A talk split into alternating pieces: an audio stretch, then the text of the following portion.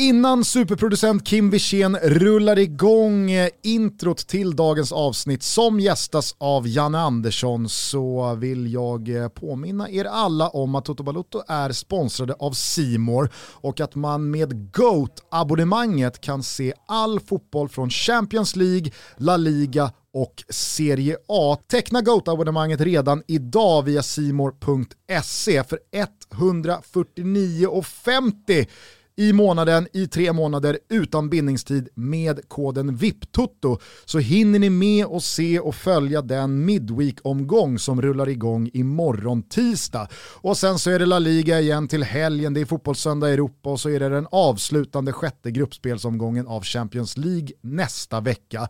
Så simor.se teckna GOAT-abonnemanget, man får all fotboll från Champions League, Serie A och La Liga utöver alla filmer och serier och allt annat gott som finns att konsumera konsumera via Simor. Så att gör nu det, det är en uppmaning från oss, 149,50, det är nästintill oslagbart. Så att eh, ta nu det erbjudandet och tacka oss sen. Det är ju ett speciellt avsnitt som stundar i och med att Janne gästar oss. Det kommer bli väldigt mycket fokus på landslaget, VM-kvalet som var, lottningen till playoffen och matchen mot Tjeckien som kommer i vår.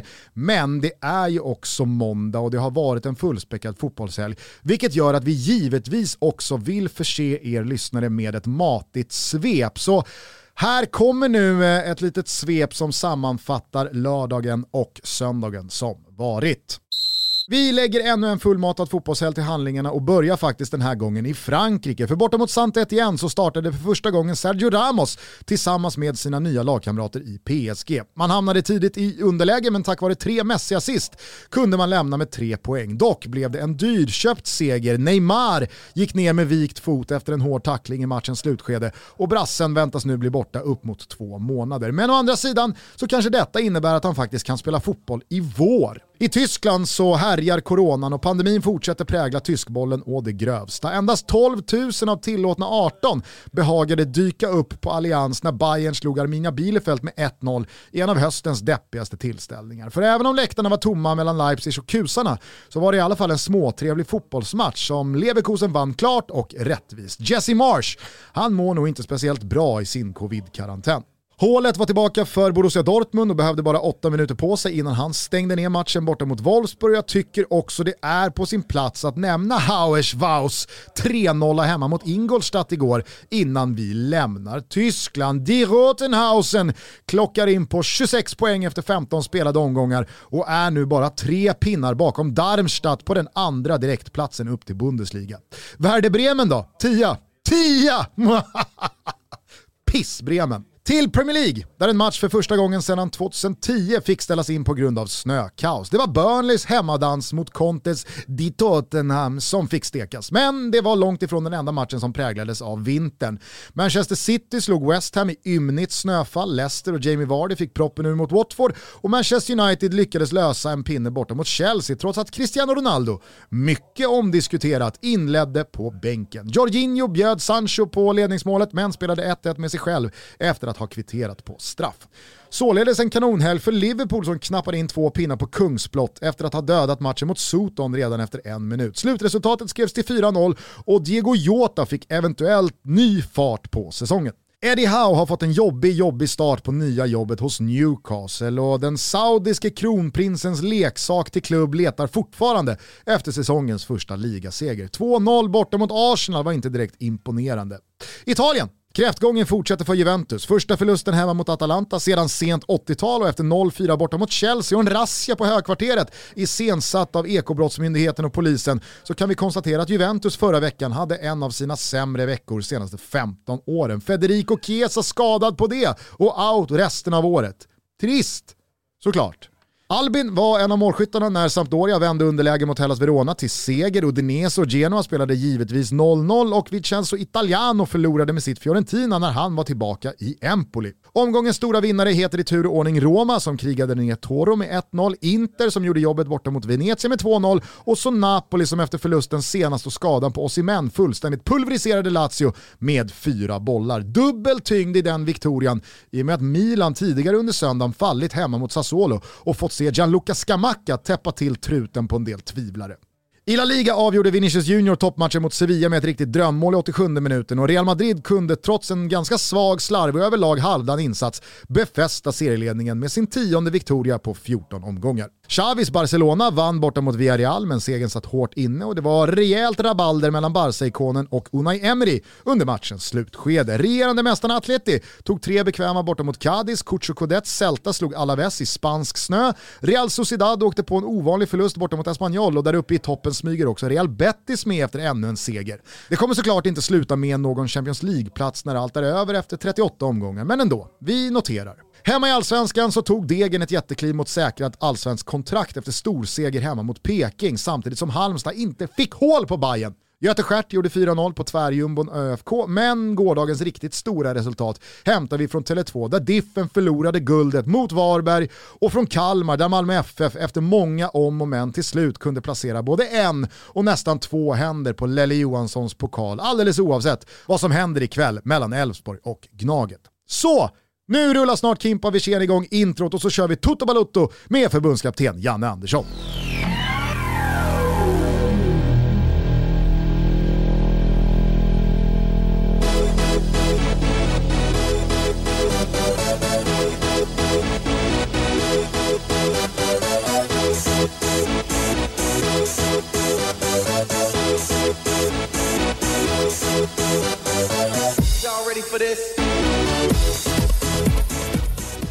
Vi inleda med en låt? Ja, ja, ja. Ja. ja. Kanske har hört det, jag vet inte.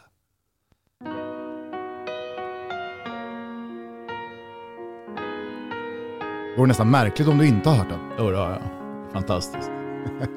Där borta vid bänken har vi ställt vår Jan.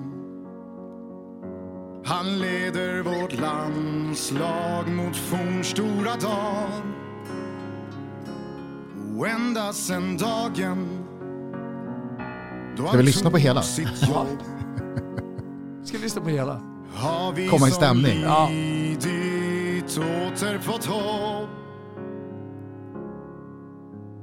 Glädje och stolthet snälla stå kvar är känslor jag känt sen då det blev jag och min Jan. Han tog oss till Ryssland och en kvarts final Han lackar på tysken och han pyntar sin gran. Han pratar om laget och att då är då.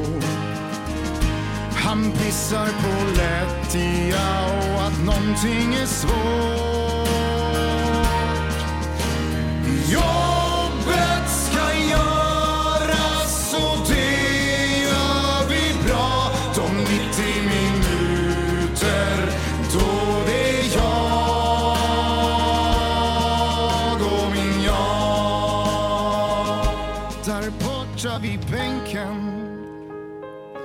har vi ställt vår Jan.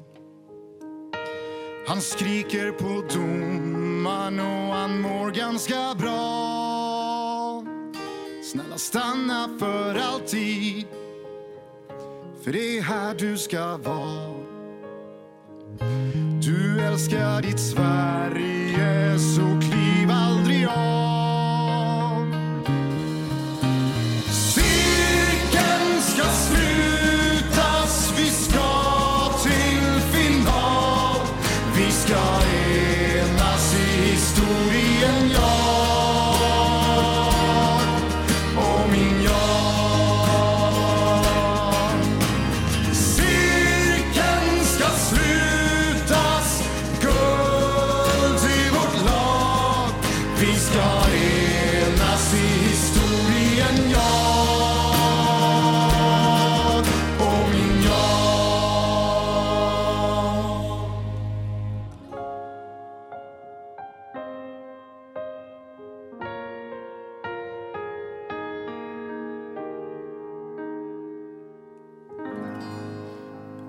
Ja, med, med de tonerna så hälsar vi återigen Janne Andersson varmt välkommen till Toto Balotto. Är det tårar jag ser rinna ner för dina kinder?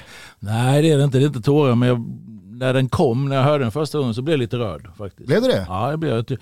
Det är inte bara, det, det, det är hjärta att göra en sån och dessutom gör det bra.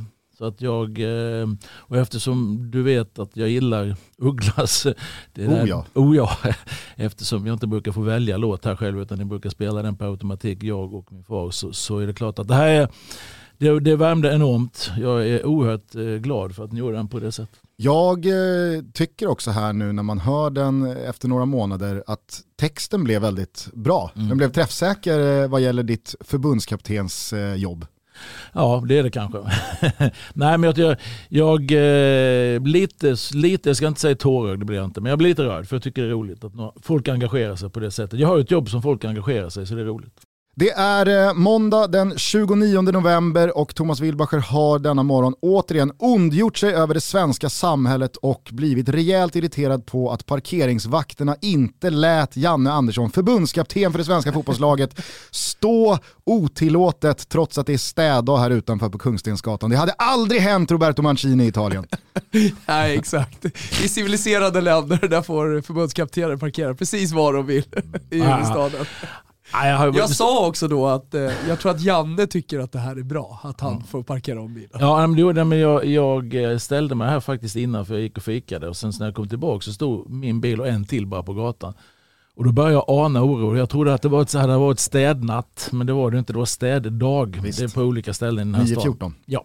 Så att där fick jag flytta den. Men eh, jag flyttade den runt hörnan och då kom det ut en kvinna från eh, en butik där så ställa inte där för då får man alltid böter. Så, så fick jag flytta den en gång till. Så nu hoppas jag är klar med. Det ska dock sägas, hade Roberto Mancini eh, ställt sig på en sån här gata i Italien idag så hade han förmodligen fått några böter. För det beror ju på lite hur det går. Ja, men det var väl vi också inne på, att de här två förlusterna mot Georgien och Spanien, det, det, det kostar. Då, ja. då är inte ens lappliserna snälla.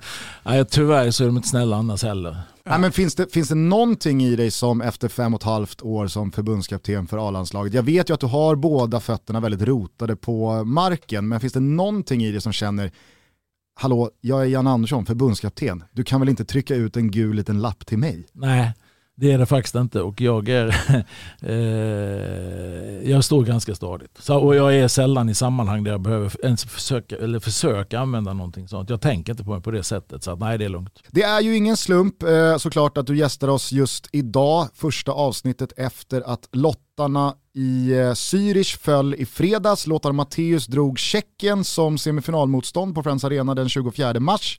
Och vid en eventuell seger där så väntar antingen Polen eller Ryssland på bortaplan fem dagar senare. Om detta ska vi givetvis resonera, men det är ju också inte allt för länge sedan den där senaste samlingen mot eh, Georgien och Spanien som slutade med två förluster. Jag vet fortfarande inte senast jag eh, upplevde en eh, landslagssamling för Sverige där man torskade två matcher utan att göra mål. Jag tror faktiskt inte jag har varit med om det i mitt liv. Det var någon jobbig samling där med Österrike, eh, men då gjorde vi i alla fall mål i den där 1-4 förlusten på, på, Friends. hur som haver, jag hörde det i eh, Viasats Premier League-studio i lördags och då eh, så vädrade du att du fortfarande har ett sting av besvikelse kvar i kroppen. Så jag tänker att vi kan väl börja i kronologisk ordning och backa bandet till den där sista VM-kvalsamlingen. Eh, du har inte riktigt släppt den än? Nej, såklart har jag inte gjort det. Och det, det är ju frustrationen som förbundskapten är ju att det är 24 mars, mars nästa gång det är tävlingsmatch som du säger. Så att det är fyra månader. Och jag, Eh, är man klubbtränare så kan man liksom analysera, korrigera och så har man ny match och så kör man. Här får man gå. Jag går och tjurar fortfarande och jag, jag, eh, jag tycker att man måste ju ta saker i ordning här på sig. Men tar man Georgien-matchen så är det klart att vi inte gör mål i den matchen, att vi inte tar ledning i den matchen är ju surt. Men hade, jag, hade någon sagt till mig innan att när det gått en timmes spel så kommer ni ha haft 15 avslut och Georgien kommer ha haft två, varav ett är högt upp på läktaren. Eh, då hade jag tagit alla dagar i veckan såklart. Och hade någon sagt till mig att ni kommer att ha 12 avslut i Gold Zone så har jag också sagt yes. Så att jag kan inte säga att killarna inte försöker genomföra matchen på ett bra sätt. Sen är ju att göra mål i fotboll en vital del. Och, och då får man ju inte göra misstag bakåt om man nu inte gör mål framåt. Så att jag är jättebesviken på på resultatet och på hur det blev såklart. Enormt besviken. Lars Lagerbäck fick ju leva länge med eh, hans rabblande av målchanser och statistik efter 0-0 mot eh, Trinidad och Tobago i VM-premiären 2006. Men han hävdade ju envist att prestationen var bra, vi fick bara inte in bolluslingen. När ni har tagit ner den här matchen efteråt, kände du samma sak kring de där 70 minuterna innan Georgien tar ledningen? Att prestationen finns det faktiskt ingenting att klaga på? Nej, jag kan inte klaga, jag som ans jag är ansvarig, jag är resultatansvarig för landslaget och det är ju, jag tar ju på mig det såklart, förlusten att vi förlorar. Men eh, spelarna på planen kan jag inte säga att de inte försöker, att de inte gör det vi har pratat om, att de försöker göra det på rätt sätt. Och tittar man på de chanser vi skapar så är det jättemånga chanser. Det är, alltså ibland är det så här i mitt jobb att analysen är ju jätteviktig. Eller inte, ibland, den är alltid viktig, men ibland kan man ju välja då bara titta på ett resultat och sen bryr man sig inte om hur matchen var egentligen. Jag kan inte vara så svart eller vit, utan jag måste hitta nyanserna i det. Jag, jag kan liksom inte säga att spelarna inte försökte. Sen, sen att vi inte slår Georgien, är det inte tillräckligt bra. Samtidigt ska man då värdera att Spanien lyckas avgöra matchens sista spark mot en båta på ett flytskott från 30 meter. Så att fotbollsvärlden har jämnat ut sig. Alltså det, det, är inte så stor skillnad mellan lagen längre idag. Gör man inte det rätt och sätter sina chanser i en sån match, ja då, då kan man åka dit. Och nu gjorde vi det och det var väl första gången vi åkte dit mot ett lag som, som var så långt lågt ner ankar. Alltså vi har hanterat de här matcherna väldigt, väldigt bra generellt och jag, jag, kan liksom inte klaga på prestationen. Men visst, vi ska vinna matchen, det är för dåligt. Det där är ju annars någonting som man ser mer och mer av. Jag kommer ihåg när det började, Luxemburg ställde till det ja, lite för Sverige i en bortamatch en gång, men inte bara. Och eh, ja, men så här, Färöarna har gjort bra matcher och eh, det, det, det, har blivit, som du säger, det har jämnat ut sig, men det blir mer och mer tydligt också. Du nämnde Spanien borta mot Georgien. Eh, vi, när vi gjorde analysen av den matchen, eller när vi pratade om den känslan direkt efter, så pratade vi liksom om eh, de här första 60 minuterna.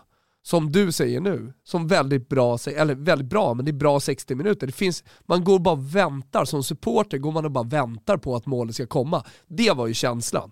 Eller hur Gustav? Absolut, eh, och, och, som vi också var inne på så finns det ju en erfarenhet av alla de matcher man har sett av lag dominera en matchbild, rada upp målchanser men inte få in bollen ja, då brukar det också som ett brev på posten komma ett läge, ett mål åt andra hållet. Senast förra veckan så var det ju exakt det vi såg på Etihad mellan Manchester City och PSG. Det var ett bombardemang mot Keylor Navas och PSG-försvaret i 45 minuter. Ingen förstår hur det kan stå 0-0 i paus och sen så tar det några minuter av andra halvlek så är det givetvis PSG som leder den matchen. Så länge det står 0-0 så vet ju alla att det kommer ju givetvis komma något läge för även motståndarna och det var ju det som, som hände. Men med det sagt och alla minns ju förutsättningarna. Fyra poäng hade tagit Sverige direkt till VM som gruppetta. Alla kommer också ihåg att Zlatan var tillbaka i landslaget, men få trodde nog på 180 minuter med ganska få timmars vila mellan Georgien och Spanien-matchen.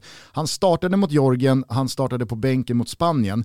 Hur resonerade du med den pusselbiten och hur du ville använda den? Ja, men det är precis som du säger att Zlatan eh, har ju inte den bakgrunden, varken träningsmässigt eller matchmässigt, att spela två matcher så tätt. Plus att matchen mot Spanien är en helt annan typ av match. Alltså, de kraven som ställs på våra yttermittfältare och våra forwards eh, i eh, förmåga att när vi vinner boll kunna agera, ta maxlöp, hitta ut i tomma ytor. Som jag pratat om, eh, som vi ska attackera när vi vinner boll. Eh, plus att när vi då tappar boll kunna direkt löpa hem, hitta rätt position, hitta rätt form i laget som gör att vi kan hålla emot eh, och döda rätt ytor för Spanien. Det ställer enorma krav eh, och där är inte Zlatan. Han är inte den bästa spelaren att spela när det blir den typen av match som det ser ut nu. Så det var ett givet val att Zlatan inte skulle starta. Men däremot kunna komma in för oss som han gjorde en stund på slutet. Så det var den tydliga planen med honom. Var Zlatans vara eller icke vara i startelvan eh, den enda eh, lindansen du hade inför? Eller hur, eh, hur resonerade du med laguttagningen och även hur du skulle portionera ut dina styrkor över de här två matcherna? Nej, alltså en sak i sänder är det ju. Så att det var ju att försöka vinna Georgien-matchen. Nu gjorde vi inte det och sen så fick vi göra en ny, ett nytt omtag så att säga. Så att, eh, det var väl inga större funderingar utöver det. det var efter eh, förlusten mot Georgien så vann ju Spanien i Grekland, vilket gav eh, väldigt tydliga förutsättningar inför avslutningen. Seger var det enda som gällde i Sevilla för eh, gruppseger. Krysset tog Spanien vidare och även fast man aldrig vet hur det hade sett ut på något annat sätt och om förutsättningarna hade varit annorlunda. Så kände i alla fall jag när man satt och kollade Spanien-matchen att fan den här matchen hade vi verkligen kunnat liksom, gå på krysset i. Det, det känns som en uppgift som vi, vi, vi var trygga i det låga försvarsspelet, det var vi även i, i somras. Eh, jag, jag, tycker att eh, vi gör en riktigt, riktigt bra match, men det var ju hela tiden Alltså man hade ju med sig i bakhuvudet att ja, det är ju vi som måste också gå upp och vinna den här matchen. Spanien är hela tiden vidare från det att domaren blåser igång matchen. Hur, hur, eh, hur upplevde du eh, hur ni tog er an matchen och, och, och taktiken och matchplanen? det är som du säger, det, det, det olyckliga så här i efterhand så hade ju, har ju Georgien-matchen ingen betydelse såklart eftersom Spanien vann. Men, men det olyckliga var ju det att krysset hade ju räckt för oss istället. Och, Eh, det hade varit en helt annan ingång i matchen. Sen är det omöjligt att förutse hur spanjorerna hade hanterat det. Eh, men vår matchplan ändrades inte. Utan vi, ska vi ha en chans mot Spanien så, så eh, då, då har vi en matchplan där vi måste ligga hyfsat tätt. Vi måste ligga vårt 4-4-1. Vi måste ha koll på Busquets. Han får inte bli rättvänd framför vårt fält så vi måste bryta ut, opressad, så vi måste bryta ut en fältare. För då trär han in bollar i de inre korridorerna. Eh, och vi måste hålla våra yttermittfältare på plats defensivt så att de inte hittar in i, de inre korridorerna. Och de kör sina rotationer på kanterna med ytterforward, fältare, ytterback och flyttar runt där ute.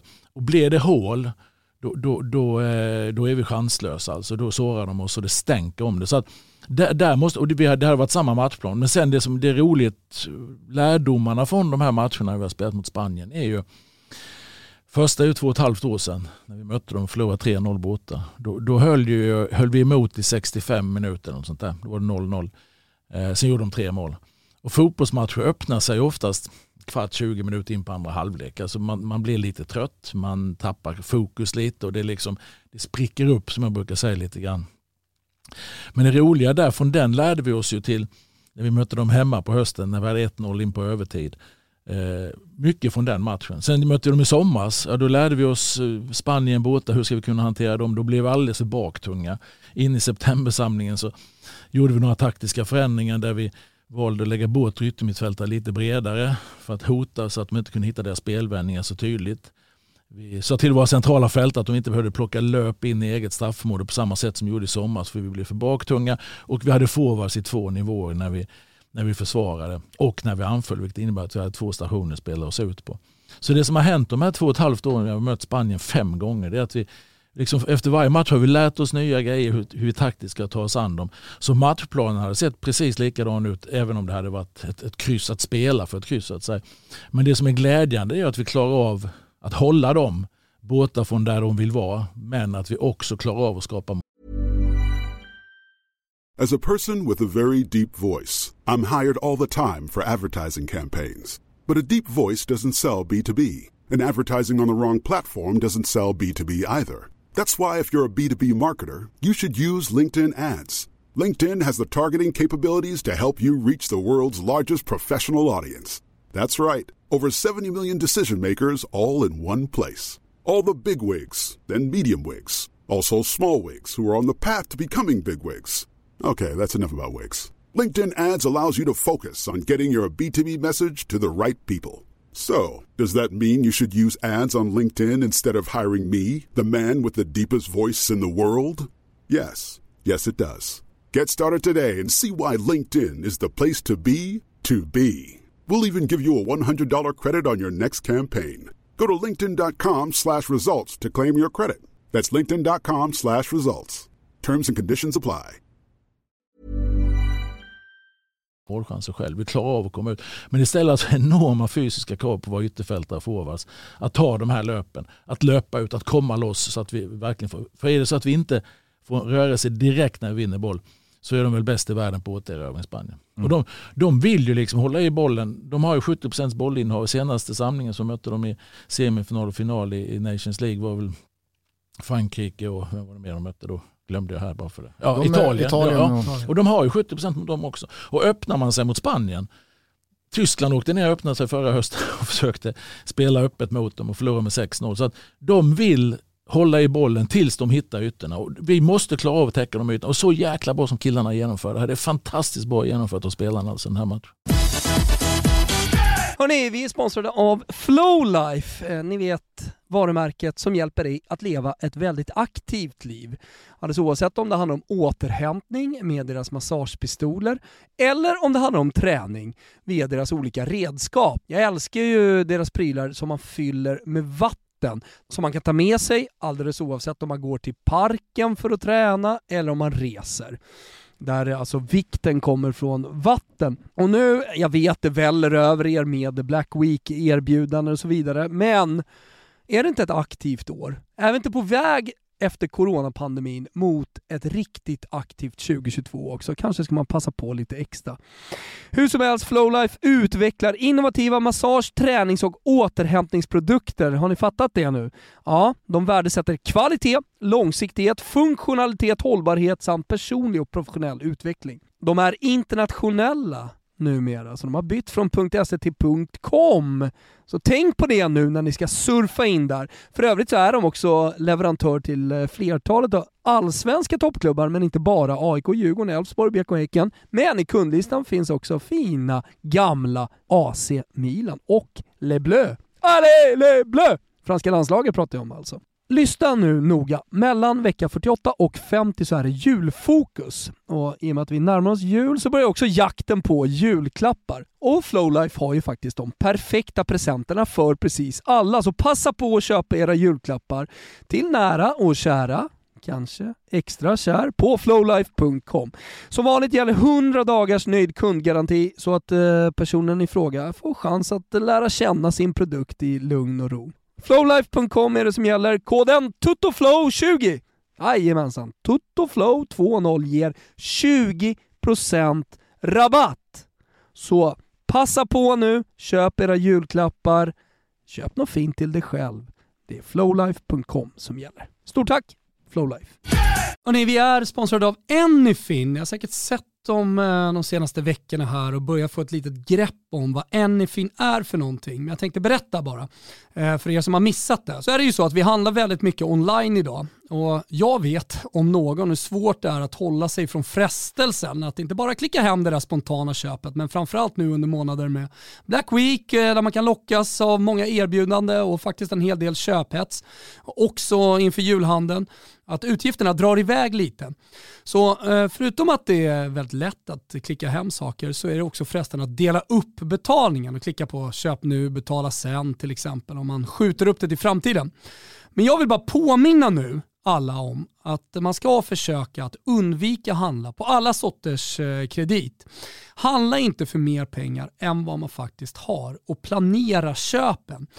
Och här kommer Anyfin in. I deras app så får man en bra överblick över hela sin privatekonomi. Och där kan man också se hur mycket man spenderar i veckan och hur mycket man kan spendera per dag fram till nästa lön. Jag som inte har speciellt bra koll och aldrig haft min eh, privatekonomi är ju väldigt glad när en sån här app kommer. Så därför är det ett stort tips till alla där ute att skaffa Anyfin. Den kanske kan hjälpa dig med befintliga delbetalningar och krediter och få sänkt ränta. Plus att de kanske kan ta bort alla andra avgifter. Så med pengarna du sparar på detta kan man ju till exempel lägga på att eh, betala av skulden som man har snabbare så man kommer lite på rätt sida med sin privatekonomi. Jag vill också understryka att NFN inte vill bidra till ökad skuldsättning. Det kanske ni har förstått, men eh, det ger alltså inte några nya lån utan sänker endast kostnaderna på dina befintliga krediter.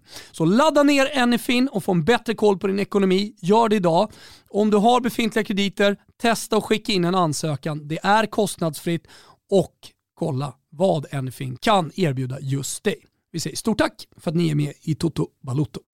Vi är sponsrade av Celsius och de har på fredag, alltså den 3-12, nu på fredag, ett eh, stort grymt eh, evenemang på Norrmalmstorg i Stockholm. Dit några av Sveriges bästa freeriders kommer och gör en massa coola tricks. Och på kvällen så har de en afterski som man kan vinna biljetter till. Man kan även vinna faktiskt eh, två flak Celsius. Så att det är en fin tävling. Den tävlingen går av stapeln på Hockeytuttens Hockeytotos eh, Instagram. Och eh, den pågår just nu, man kan gå in och tävla så passa på att göra det. Gå in på Instagram, Hockeytutten är det som gäller, men framförallt ta er till Norrmalmstorg på fredag. Det blir ashäftigt, de har tagit dit flera ton snö. Och det blir som sagt massa coola tricks och en skön afterski på det. Säger stort tack till Celsius. Hörrni, vi är sponsrade av Nike och idag är det ju faktiskt Cyber Monday och vi har tillsammans med Nike ett exklusivt erbjudande med en kod som är GAME21. GAME21, det fattar väl alla egentligen va?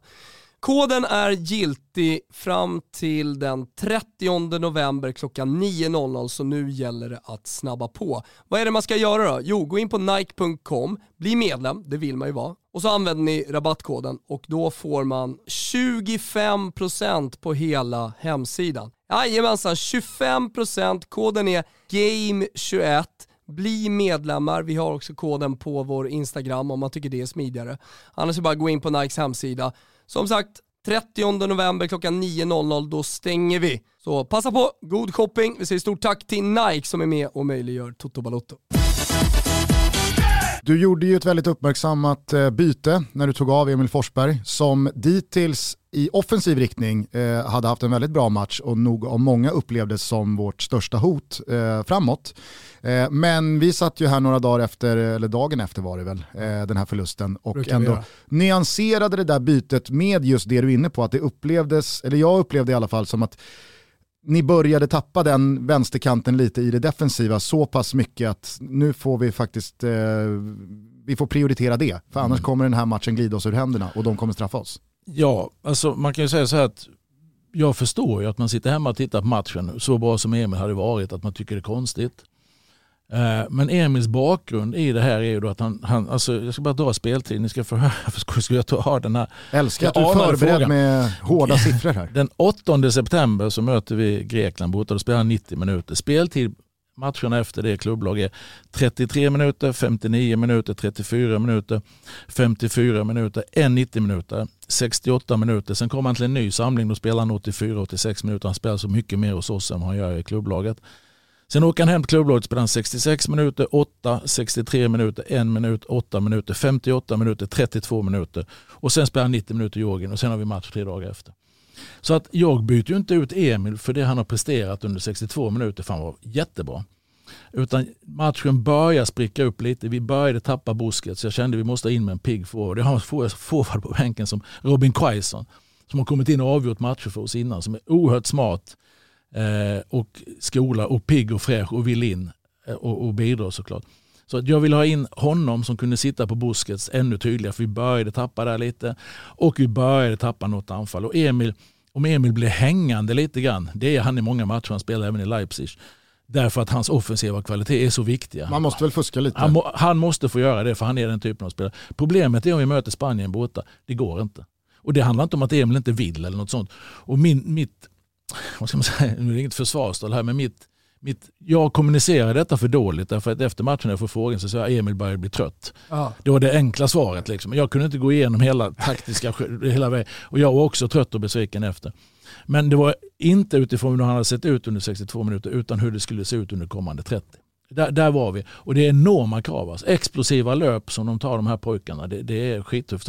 Och jag tycker dessutom att jag har då en pigg Mattias Svanberg till exempel på bänken som kan komma in och bidra på det sättet. Och det första han gör så håller han på att sätta en bicicleta från, ja, tänk om han hade satt den, då hade det varit ett genibyte. Så, men jag kan förstå när jag inte kommunicerar det bättre. Jag kan förstå att man tycker så, men mot Spanien, vi, vi kan, vi, det går inte. Alltså, just mot Spanien som spelar på det sättet de gör, så måste vi hålla ihop laget hela, hela tiden. Och, och det, då menar jag att då är det inte bara det här att de ska åka springa hem, utan de ska även åka ta de offensiva löpen. Det är bägge hållen som man måste åka klara av. Och det hade Emil klarat säkert en liten stund till. Men jag, jag, min, min utifrån den här bakgrunden med med Emils speltid och så vidare, så var att jag trodde inte, min och vår bedömning var där att eh, vi vill ha in pigga ben helt enkelt för att kunna åka och hålla emot spanjorerna. Och, och i efterhand så, så jag, jag, jag tycker att bytet är rätt så att jag har inte ångrat mig i efterhand heller. Men däremot så kommunicerade det lite dåligt det är ju inte bara vi utomstående mediala och eh, supportrar som har haft åsikter eh, kring dina bytesvanor. Även din fru sa så här för eh, ett tag sedan eh, angående din matchcoachning. Det blir kollision ibland. Just vad det gäller hus är det okej okay att säga så. I övrigt så är det ju... Ja, ja men det är ju därför du byter så sent jämt också. För det tar sån tid på dig att komma på att du ska byta matcher. Det har vi ju tjatat om i 30 år. Ja. Liksom, du börjar det... tänka på byten i minut 50 och sen går det 20 till och då är det ja. för sent. Tycker jag. Om jag får säga vad jag tycker. Ja, ja. Det är ju ingen som har bett dig nämna just det. Nej, men det var ju för att ge ett exempel.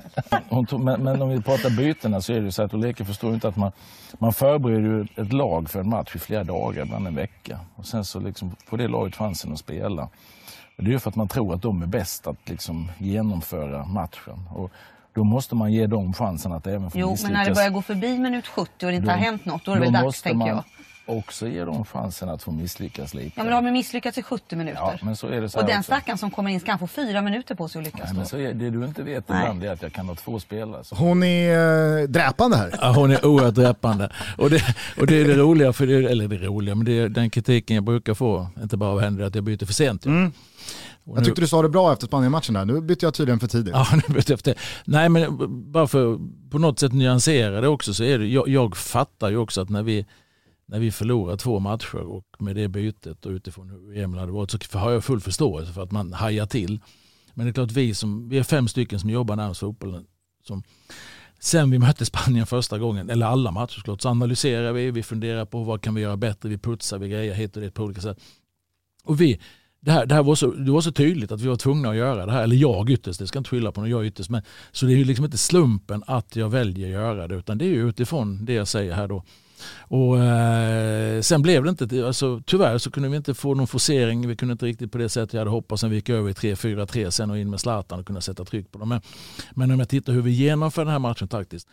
Bara för att vara väldigt tydlig. Spanien hade aldrig förlorat en kvalmatch på hemmaplan.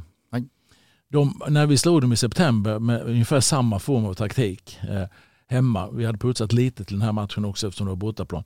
Då hade de inte förlorat på 66 kvalmatcher när vi slog dem. De gick till eh, omgången innan så går de till final i, i Nations League. I sommar gick de till semifinal i EM. Så, och det är alltså Spanien, det, det, det, är en brutalt tuff bortamatch som jag tycker vi hanterar på ett jättebra sätt. Spelarna gör det fantastiskt bra alltså, utifrån den planen och det vi hade. Sen hade vi inte riktigt marginalerna med oss. För sanningen är i min värld i alla fall att vi har bättre målchans än vad de har när de gör, innan de gör sitt första, gör målet. Va? Så att, lite, och jag är sur som tusan, besviken på resultatet. Men samma här, jag, jag kan liksom inte klandra spelarna utan de, de, de, liksom det vi har lärt oss har gjort att vi kan stå upp mot Spanien på det sättet vi gör. Men fasen alltså, vi skulle fått spela om den så skulle vi kunnat vinna. Så, mm. så är det. Va? det är fasen med. Framförallt så känner jag att vi skulle ha slagit Georgien så att vi hade haft det där krysset att gå på. För det hade vi sannoliken kunnat lösa ganska många gånger på tio försök. Ja, chanserna har varit större, jag håller med dig. Ja. Men nu, har, nu hade jag tjurat färdigt med Georgien, nu tjurar jag om Spanien. Eh, du verkar i alla fall eh, vara väldigt trygg eh, i beslutet att ta Emil Forsberg så som du gjorde och att det, det, det är ingenting som, som du ångrar på något sätt. Men det har ju varit ett år av en, en ökad höjd kritik mot just din matchcoachning och byten som har gjorts. Thomas har varit på det här längre än så, men har du själv ja, Det var upplevt... Tyskland, men det har vi ju rätt ut. Ja, det var väl tre och ett halvt år sedan. Ja, det, Men redan då var du på Jannes fingertoppar vad gäller matchcoachningen. Ja, men, liksom, nu när vi gör bokslut för landslagsåret 2021 och det har varit ganska många landskamper, är det här någonting som du själv reflekterar över och känner att ja, det kanske ligger någonting i det, det här kan bli bättre, eller ställer du dig oförstående till kritiken? Nej, alltså ett, jag, att jag får kritik oavsett vad jag gör och ju längre man har den här typen av jobb så, så blir det, kommer det liksom byggas på med kritik på det sättet att man hittar, man hittar grejer som man hänger upp sig på. Så, så det, det, det ligger i sakens natur. Sen gör vi ju alltid en utvärdering och en analys och jag är ju inte alltid 100% nöjd med allting såklart. Men när jag går in i det, då är jag förberedd och när jag tar besluten då är jag helt övertygad om att de är rätt. Sen i efterhand så kan man alltid titta, men det där, ja, jag kanske skulle väntat en kvart hit och dit. Vi bytte in Viktor Claesson i somras, han avgjorde mot Polen. Vi bytte in Robin Quaison som kom in och fixade en straff mot Slovakien. Så, så att bytena har ju blivit bra ibland också, de som har kommit in. Och det är det jag menar att jag har ju en trupp att förfoga över när jag har spelare som Robin eller Mattias Svanberg, de här på bänken, pigga spelare som har kvalitet som kan tillföra någonting på planen så, så är det klart att jag vill ha in dem också. Jag vill ju använda truppen på ett bra sätt. Sen kan det ibland bli för sent och ibland kan det bli för tidigt. Men det finns ju en plan med vad, vad vi gör och hur vi gör det. Sen är det alltid en känsla under matchens gång. Vad, vad, vad, ska vi göra och när ska vi göra det såklart. Så det är inte så att jag bestämt att i minut 60 ska vi göra det, 70 det, 80 det. Utan det finns ju en grundplan, ett grundtänk och sen utifrån det då så så, så tajmar man det. Och jag är inte alltid nöjd med alla beslut jag har tagit oavsett om det är laguttagning eller matchcoaching och sånt. Men generellt sett så jobb, vi jobbar igenom det så hårt innan och är så noga i det vi gör. så att eh, när jag tar besluten, just där och då är det rätt att göra det. Sen i efterhand kan man säga, ja, ah, Men tror du att det här är en spetsegenskap man kan utveckla och bli bättre på? Ja det är jag absolut. Jag har ju hållit på med det här i 40 år snart. Jag har 72 landskamper, 496 allsvenska matcher. Jag, jag har coachat mycket i mitt liv. Så att det, man utvecklas hela tiden. Det är precis som i allt annat när man jobbar med människor. Att lära sig mänskliga beteenden, att lära sig läsa av situationer hela tiden. Så är det klart att man kan utveckla problematiken lite som förbundskapten. Och det ska jag väl inte skylla på. Men det är väl lite så att man har inte lika många matcher som man har i allsvenskan. Eh, och man har inte samma spelare varje gång. Vilket gör att du, du känner inte igen mönster lika tydligt. I allsvenskan man var väldigt tydlig över att okej, okay, ja just det, nu är vi framme 75. Nu börjar han tappa och så vet jag att han på bänken istället. Och så, nu sitter Ulrika på läktaren där och är frustrerad igen för att jag inte gjort något än. Hon lär ha ringt ner till en kollega, till och med under en landskamp och sagt att jag ska byta. Så att, men, men, han svarade inte som väl är, men eh, jag ska inte säga vem det är. Men, eh, men, men, men man kan, jag ska inte säga att man blir ringrostig som förbundskapten, men, men det, det, det som är mer självklart när man jobbar med det varje vecka. Mm. Match och match och match. Nu är det fyra månader till nästa tävlingsmatch. Så det är klart att man kanske inte är lika vass som man var som klubbtränare på att läsa av situationer och sånt. Men å andra sidan så har man ju förberett allting så oerhört mycket mer. Man har mer tid i förberedelsefasen. Så att, ja, jag kan säga jag, jag har gjort dåliga beslut, jag har gjort bra beslut. Generellt sett när jag tar besluten så är de väl underbyggda, så kan jag säga. Två eh, saker innan vi tar tag i eh, playoff-lottningen och checken. Eh, jag och Thomas har pratat väldigt mycket om Albin Ekdals betydelse för det här landslaget och jag tycker att det har synts ganska så tydligt just i år. Inte minst då med otroliga insatser under sommarens EM-slutspel och en rad eh, matcher här under hösten, men kanske framförallt i de matcherna han har saknats. Georgien borta, Grekland borta och så vidare. Ska vi en gång för alla slå fast vilken otrolig impact Albin Ekdal har på det här laget. Ja det ska vi göra utan för den skull klandra de som Nej, har spelat istället. Göra. Nej precis, för det är viktigt att säga för vi har många bra spelare men vi, just den spelartypen som Albin är har vi ingen som jag bara kan sätta in rätt av som gör det lika bra. Vad är det han gör bra? Albin är, dels är han ett uttryck som är roligt, positionssäker. Det är liksom, han vet var han ska vara någonstans på planen. Sen är han eh, fysisk, alltså när han går in och bestämmer sig för att vinna en duell så är det knappt någon i världen som står emot honom. Då går han in och vinner bollen. Sen kan han löpa ut med bollen och pressade ytor som är så enormt viktigt framförallt när vi möter de här lagen som är bra. Den kombinationen mellan hans, hans fysik och hans styrka hans positionssäkerhet försvarsmässigt och hans förmåga att löpa iväg med boll, hitta fria ytor och så vidare. Den är, eh, den är inte många som har. Så att han, och han, eh, han är viktig för oss. Det, det vore bara dumt att säga någonting annat. Ska man fokusera på att man har Albin Ekdal att tillgå och hoppas att han är frisk och kry så många dagar per år som möjligt och så är det bra så? Eller ska man vara lite brydd över, med tanke då på Albins skadehistorik, att han är så pass viktig och att vi kanske inte har någon naturlig ersättare som kan gå in och göra jobbet på den nivå han gör eller i den roll han har och att vi blir ganska sårbara då. Får jag bara fråga, har vi statistik på hur mycket han har missat eh, la, la, landslaget? Alltså, min känsla är inte att han har missat så mycket. Han, alltså, han har inte missat jättemycket men man kan väl säga så här att det är inte så där jättevanligt att han spelar bägge matcherna 90 minuter Nej. när vi har två, två på en samling. Det är det inte. Utan då brukar han få byta eller kanske stå över den andra. Så, så han har missat en del. Men, och den här, det här året har det väl varit eh, ja, mer, mer, mer än, än eh, de två, tre tidigare åren. Men sen så har det varit framförallt i klubblaget då. Men, men en del skador här och där. Ja men det är det. Men tittar, tittar du, om vi går tillbaka till 2017 eh, och så tittar vi playoffet mot Italien. Då bytte vi honom i 60 minuten. kom Jakob Johansson. Jakob hade ju också de här egenskaperna. Jakob ganska lik Albin. Mm. Gustav Svensson, eh, en Gustav i riktigt bra form. Också lite lik Albin i spelsätt.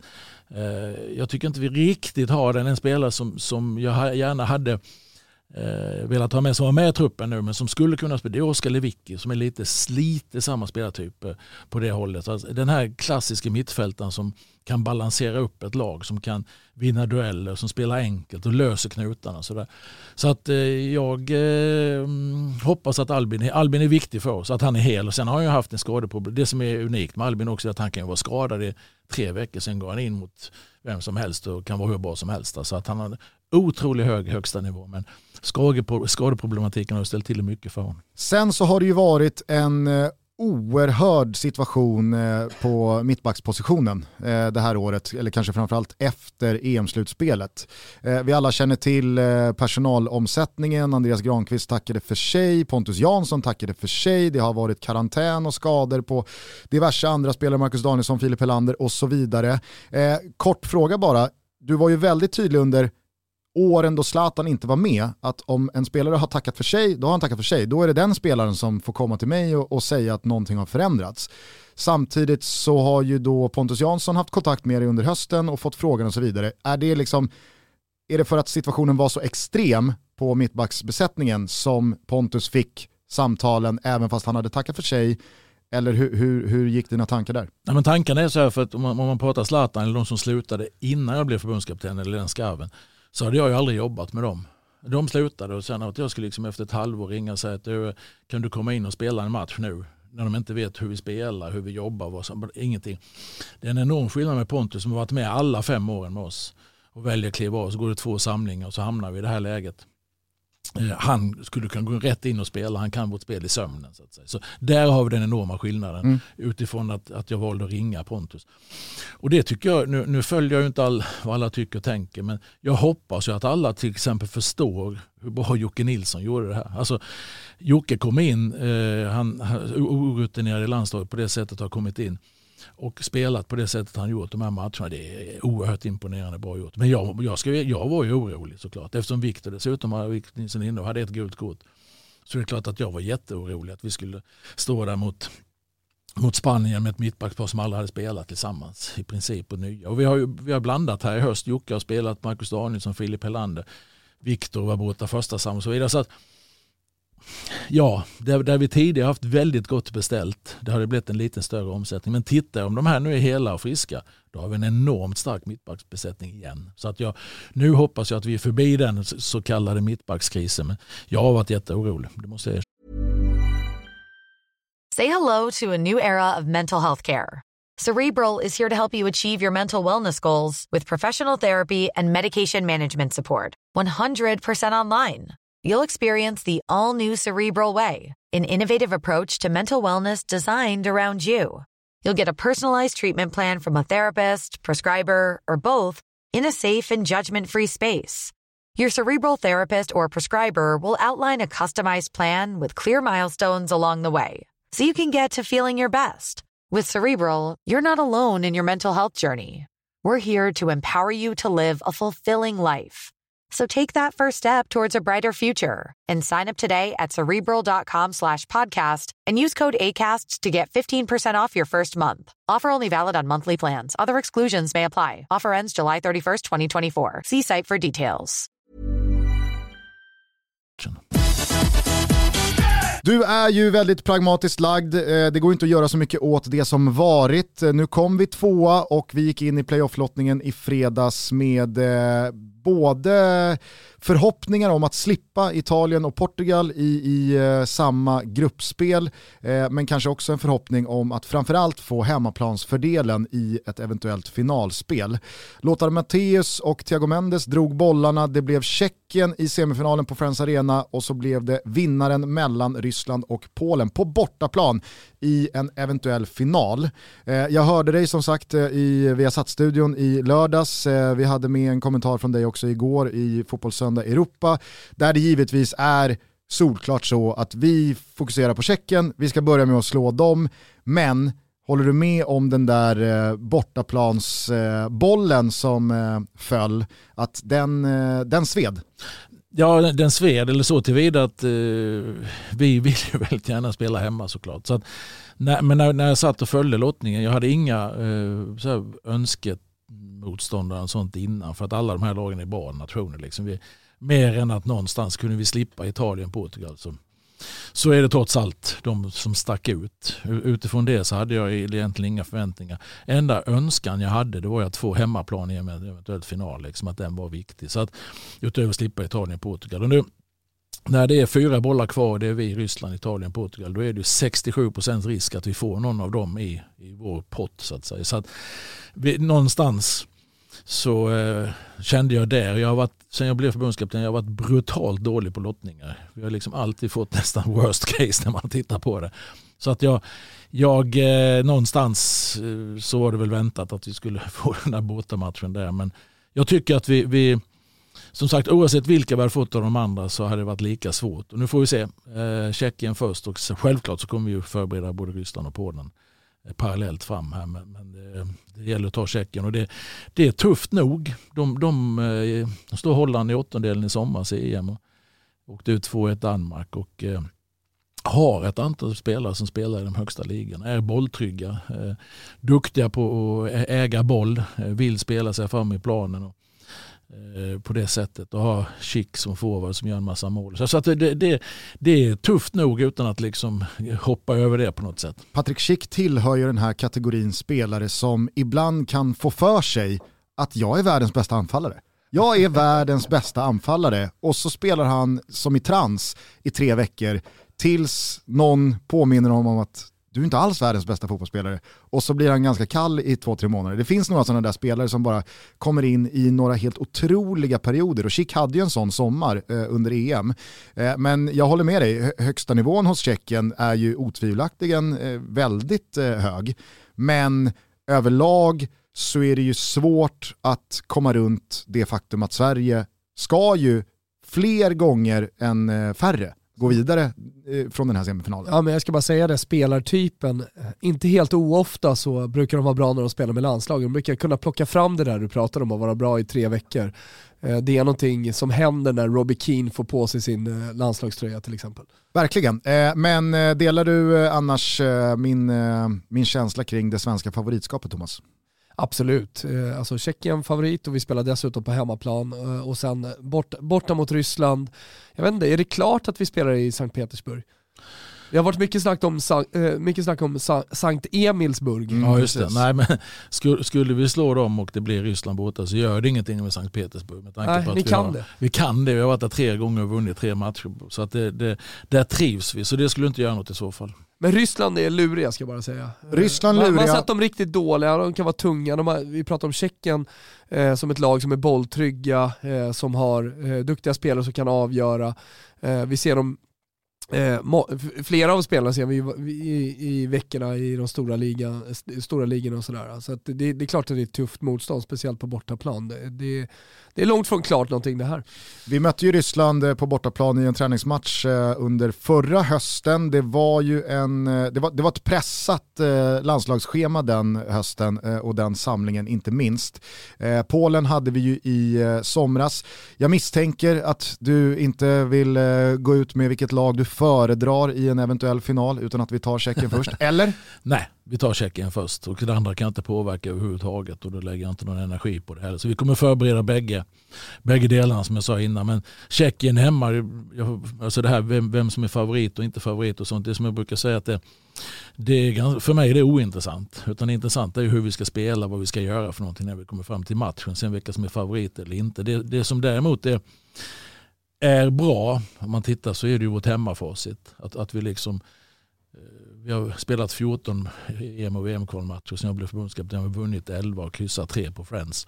Och det är klart att det har man ju med sig in i matchen. Man trivs bra hemma. Sånt. Sen när matchen börjar så då har det ganska liten betydelse också. Mer att man har känslan av att här hemma är vi bra. Och den känslan kan vara bra. Så att, därför var det synd att en eventuell final inte blev hemma. Men nu är det så, då förhåller vi oss till det. Vilka föredrar du av Ryssland-Polen? Ryssland på något konstigt sätt så, så känns det som eh, att Lewandowski är en sån där spelare som verkligen kan avgöra på egen hand. Och plus att de också har väldigt många bra spelare. Eh, alltså, så, som lag så ser jag ingen stor skillnad kvalitetsmässigt spelare på spelare på pappret. Men, men att de, de har Lewandowski som, ja, om han spelar på topp så är han svår att stoppa alldeles oavsett vad Sverige har för, för spelare på banan. Eller oavsett vad det, vilket det andra laget är. För han avgör mot de bästa i världen, bästa mittbackarna i världen eh, varje vecka. Samtidigt så tycker jag att vi gör en väldigt bra match mot Polen i somras. Och det känns som att visst, Lewandowski visar upp sin spets, men över 90 minuter, lag mot lag, så är vi bättre. jag kan ju bestämma det här nu så jag är jättenöjd med det. Liksom. Men nu är vi inne på det här spekulationsresonemanget som jag är relativt ointresserad av. Men som jag har den största respekten för att de finns. Ja men härligt. Då säger jag så här, i och med att semifinalen mot Tjeckien inte kan sluta på ett oavgjort sätt, det blir förlängning, eventuellt straffar då. Eh, jag säger att eh, Sverige någonstans ska bedömas med eh, en knapp 70% i sannolikhet att gå vidare från semifinalen. Ja, ja kanske. Jag vet inte, nu, nu börjar jag snacka procent, men det, det kanske ligger lite lägre. Och eh, oh, jag håller Ryssland, Polen på bortaplan som ganska likvärdiga uppgifter. Jag bedömer Sveriges chanser till 45% någonstans. Så att eh, gångrar man då 0,7 gånger 0,45, det borde väl bli dryga 0,3. Ja, men 31, 32, 33 procents eh, chans att vi går till VM.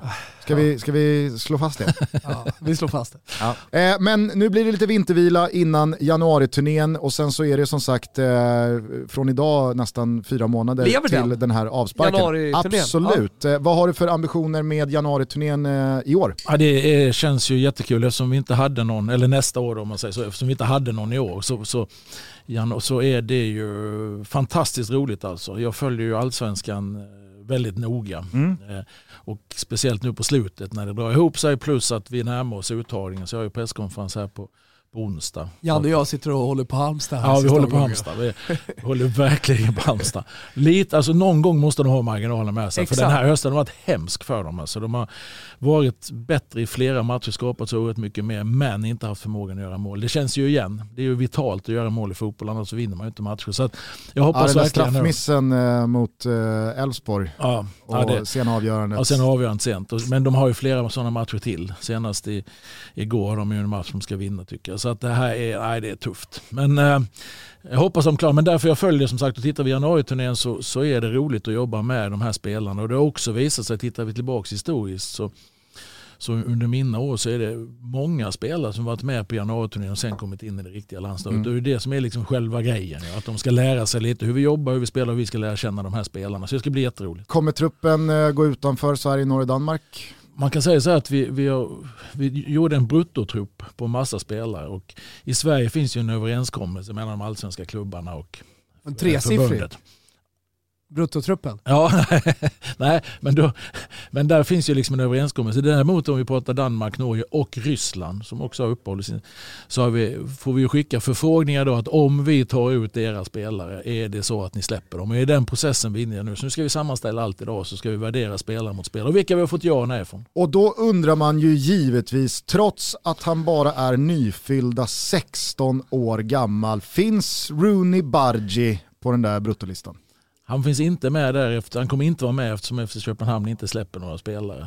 Så att, eh, Om de hade släppt spelare? Nej, han hade nog inte varit med i alla fall. Alltså det, jag, jag, tycker så här, man ska ta saker och ting i ordning. Och vi, det, det, är väldigt, han har varit inne och spelat några matcher. Det är jätteroligt. Det är en stor, stor talang. Ja, man får ju säga, alltså, jag har bara sett eh, delar av de här två första matcherna. Eh, han blev ju matchens lirare i debuten för en vecka sedan.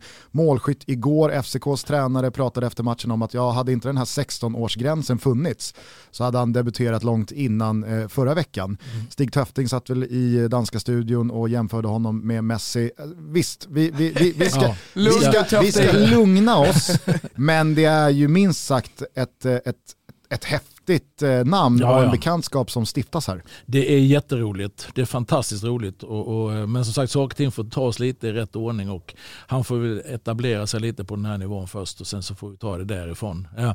Men jag tycker det är fantastiskt roligt. Det är, det är jätteroligt och ju fler unga spelare som kommer fram, det, det är roligt att följa dem. Och, och redan nu då som du säger, det är bra gjort. Så att, eh, men vi följer honom och det, det, ska bli spännande att göra det. Finns det fortfarande en liten tanke om att januaritrupperna tenderar att dra åt det yngre hållet eller har 30, eh, 30-taggarna möjligheten? Jag har ändrat lite inriktning eller inställning kan jag säga under de här åren. Mm. Och det är väl Marcus Danielssons fel bland annat. Magnus Eriksson bland annat. Och så vidare. Alltså spelare som, som faktiskt spelar hemma i Sverige och, och, och eh, gör det väldigt, väldigt bra fast de är lite äldre. Och innan tyckte jag att det skulle vara unga spelare som de kommande åren skulle kunna ta sig in. Men det finns faktiskt ganska många spelare som är lite äldre som också gör det bra i Allsvenskan. Så att, Sebastian Larsson har en chans. Sebban har chans att komma med om man inte hade sagt nej. Nej men, nej, men alltså, så det, det, är inte lika självklart att de ska vara unga men normalt sett ja, kanske hellre lite mer talangfulla så att säga. Men spelare som egentligen inom något år ska kunna knacka på dörren. Vi har ju många exempel som jag sa, Sebastian Andersson, Ken Sema, Viktor Claesson, jag kan räkna upp ett antal till som, som de här åren har tagit sig via januariturnén in. Så att eh, eh, roligt. Sen är det väl lite sådär att spelare som har varit med nu, vi tar till exempel Magnus Eriksson och några stycken till äldre som spelar här hemma nu så kanske inte de ska vara med på en januariturné för syftet är att de ska lära sig känna hur vi spelar. Då kanske man hellre ska ge platserna till någon annan som är lite yngre. Hörni, sista chansen nu på Black Week eh, borta hos K-Rauta, krauta.se eller i något av alla deras fina och generösa varuhus.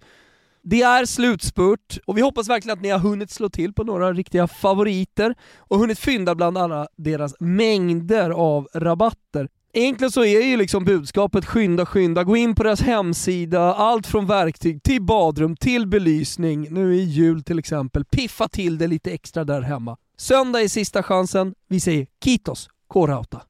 Hörrni, vi är sponsrade av Best Secret. Best Secret är en exklusiv shoppingsajt endast för medlemmar. Det är det här som är speciellt. Där de dagligen delar med sig av tillgångar till de bästa varumärkena och också de bästa priserna. Och Det är rabatter på mellan 20 och 80 procent. och det gäller hela sortimentet och vi pratar året om.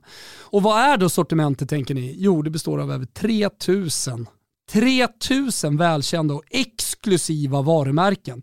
Återigen, det är bara för medlemmar. Jag tycker nu när vi står inför julen att det är ett jävligt bra tillfälle att shoppa på sig julklappar. Jag tänker eh, på flickvänner, pojkvänner, eh, där man vill köpa någonting lite extra. Och jag tänker så här, eh, drömelva som är kopplat till fotboll. Alla har vi våra favoritlag och alla bär vi också såklart eh, på våra hemliga drömelvor. Noggrant ihopplockade och utvalda. På det här sättet så har jag eh, tillsammans med eh, min härliga följeslagare i Toto Balotto listat några märken som finns på Best Secret som bara måste vara med i en drömelva vad det gäller varumärken och kläder. Jag kan ju säga så här, Eh, kommer släppa den här. Eh. Vi har kivats lite, men eh, J Lindeberg är ju givetvis med. Jag älskar Oskar Jakobsson, men känn bara på det här. Som offensiv mittfältare i min Best Secret eh, märkeselva, ja där har vi Todds. Ni vet Diego Della Valle som en gång ägde Fiorentina. Hans stolta, framförallt skomärken, men som också är jackor och lite annat.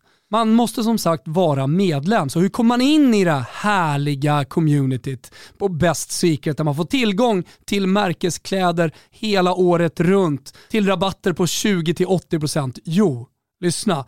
Vi har tagit fram en unik eh, länk. bestsecret.se toto. Och där tycker jag att ni alla som lyssnar på detta ska gå in och bli medlemmar idag. Ni kommer inte att ångra er. Länken är endast giltig en begränsad tid och har ett begränsat antal inbjudningar så passa på att knipa en inbjudan nu direkt innan de tar slut. Vi säger stort tack till Best Secret för eh, dels för att ni har skapat en fantastisk exklusiv shoppingtjänst men också för att ni är med och möjliggör Toto Balutto.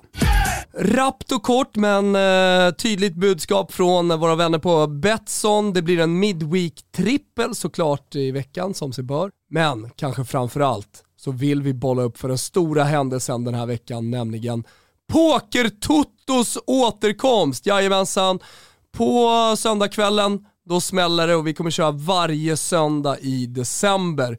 Vi går självklart ihop med våra vänner eh, Dick, Fimpen, Kimpen i Hockeytoto. Eh, vi kommer streama live dessutom från studion när vi spelar. Så eh, tell all your friends, Pokertoto på söndag. Ni kommer hitta all information på våra sociala medier såklart. Och dessutom alltså en Midweek-trippel. Stort tack till Betsson. Fan vad kul det här ska bli.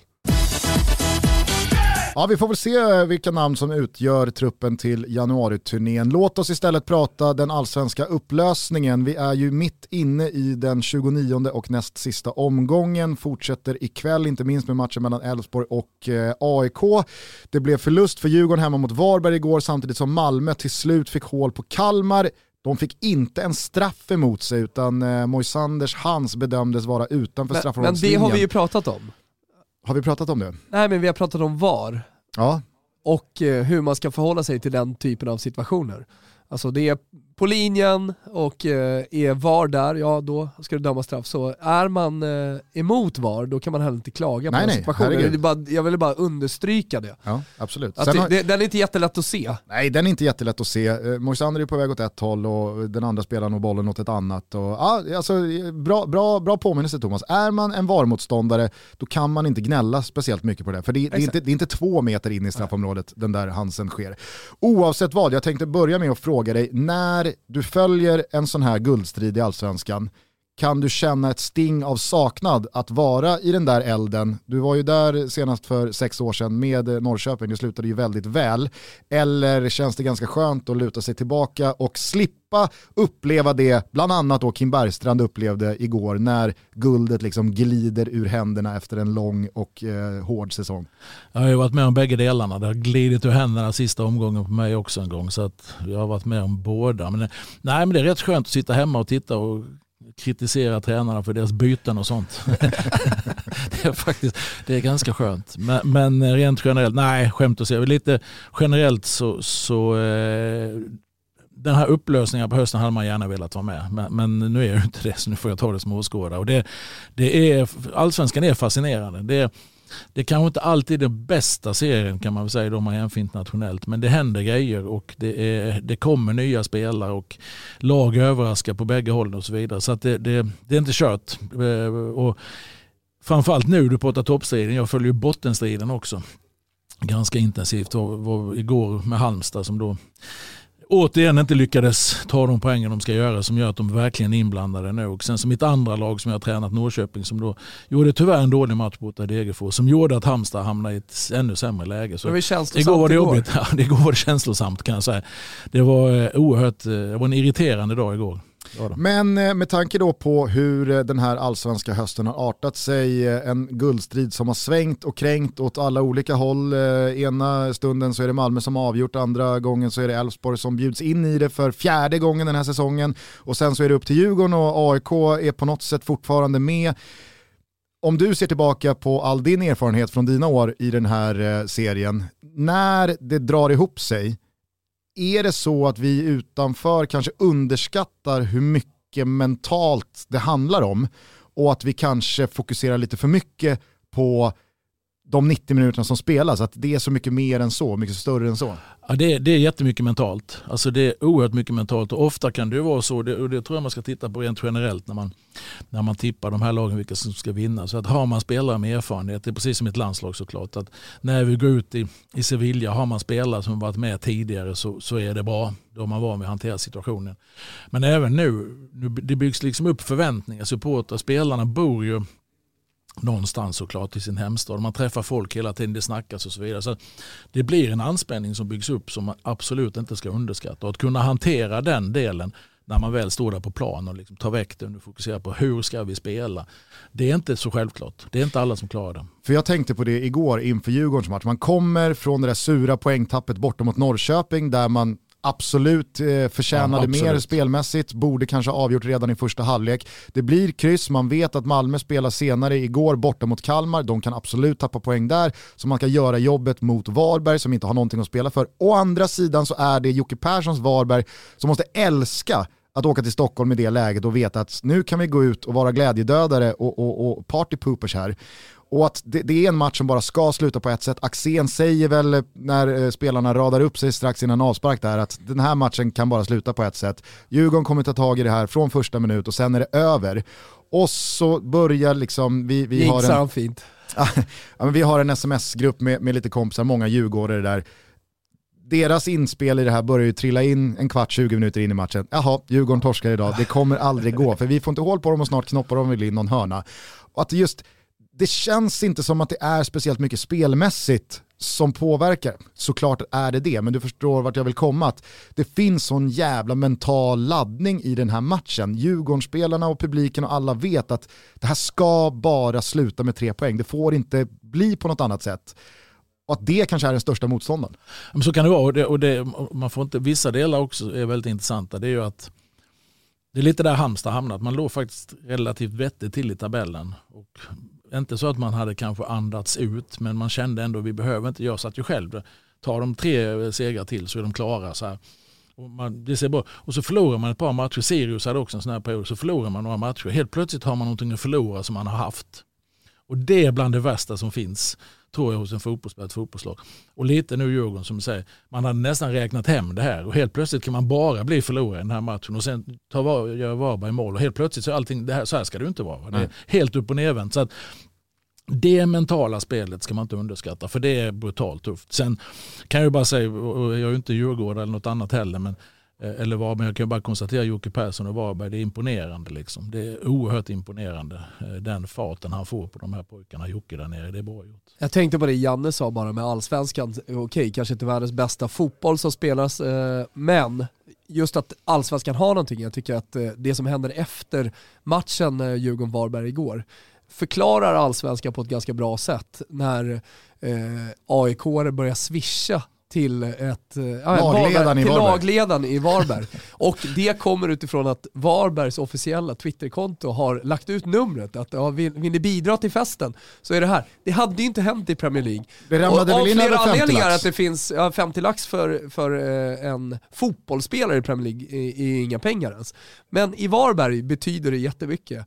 Och det blir också en, eh, en fest på mm. bussen. Alltså de, de, de firar ju verkligen och det är bärs som kommer fram och matrisen kommer, kommer tillbaka. Det blir, de hade väl planerat en avslutningsfest i Göteborg men med de här pengarna så var citatet “nu kanske vi kommer längre än så”. ja exakt. Nej, men, eh, jag, jag, tänkte väldigt mycket på kvalvaka ja. eh, när eh, KB, alltså Karlberg, skulle möta Luleå. Luleå. Och eh, ja, men, hela Sverige slöt samman på något sätt. Nu slöt inte hela Sverige samman. Väl under någon landslagssamling eh, som eh, dina spelare följde också den här dramatiken. Jag tror att det var Frankrike borta va? Kan ha varit så. Jag vet att John Guidetti, Pontus Jansson exakt. var väldigt aktiva i alla fall. I kvalet till division 1. Luleå kvalade neråt och Karlberg kvalade uppåt. Och så blev eh, det blev snökaos ja, men Du kände gemenskapen och... någonstans i Sverige. Att de, ja. Det är fest på en buss någonstans eh, i, i södra Sverige. Ja. Det kan jag säga att det är bra. Fest ja. på buss alltså... Det är inte fel. Nej, alltså det här när man har lyckats vara med de gångerna man vinner några viktiga matcher och åka bussen. Ja. Jag sa ju det till vår busschaufför Gösta när han körde hem oss från Malmö då 2015 när vi säkrade guldet där med Norrköping. Att kör via Kiruna hem. Liksom jag kan sitta här i bussen resten av mitt liv. Ja, och så ta tag i den där micken i risiga AP-systemet och säga någonting med en burköl i handen. Det, det, är, det är, fantastiskt det är stunder Jag tror att alla som hållit på med, och då spelar det ingen roll om det är allsvenskan eller om det var Alet i division 5 eller vad det är. Det, det, det är häftigt alltså. Jag driver ju också en tes kring att eh, det finns väldigt mycket att vinna för lagen som kanske inte har så mycket att spela för tabellmässigt, varken uppåt eller neråt, men som avslutar med en bra resultatrad, att man liksom kan rida in på den i nästa säsong. Eh, och att det är sån jävla skillnad på att avsluta med 4-5 segrar och att avsluta med 4-5 förluster. Och jag tänker att IFK Göteborg här nu har en period där Micke Stare får med sig någonting som kan bli jävligt viktigt för Blåvitt nästa år. Håller du med om, om eh, de till tankegångarna? Ja, till 100%. Och det är ju därför det är så frustrerande att vara förbundskapten man avslutar med två förluster. Därför att det är det man kommer ihåg. Det är det man, hade, hade vi, oavsett vad som hade hänt så har vi med en seger. Då är det ändå det man har på näthinnan. Mm. Så att, att, avsluta bra och få med sig det in, och precis tvärtom.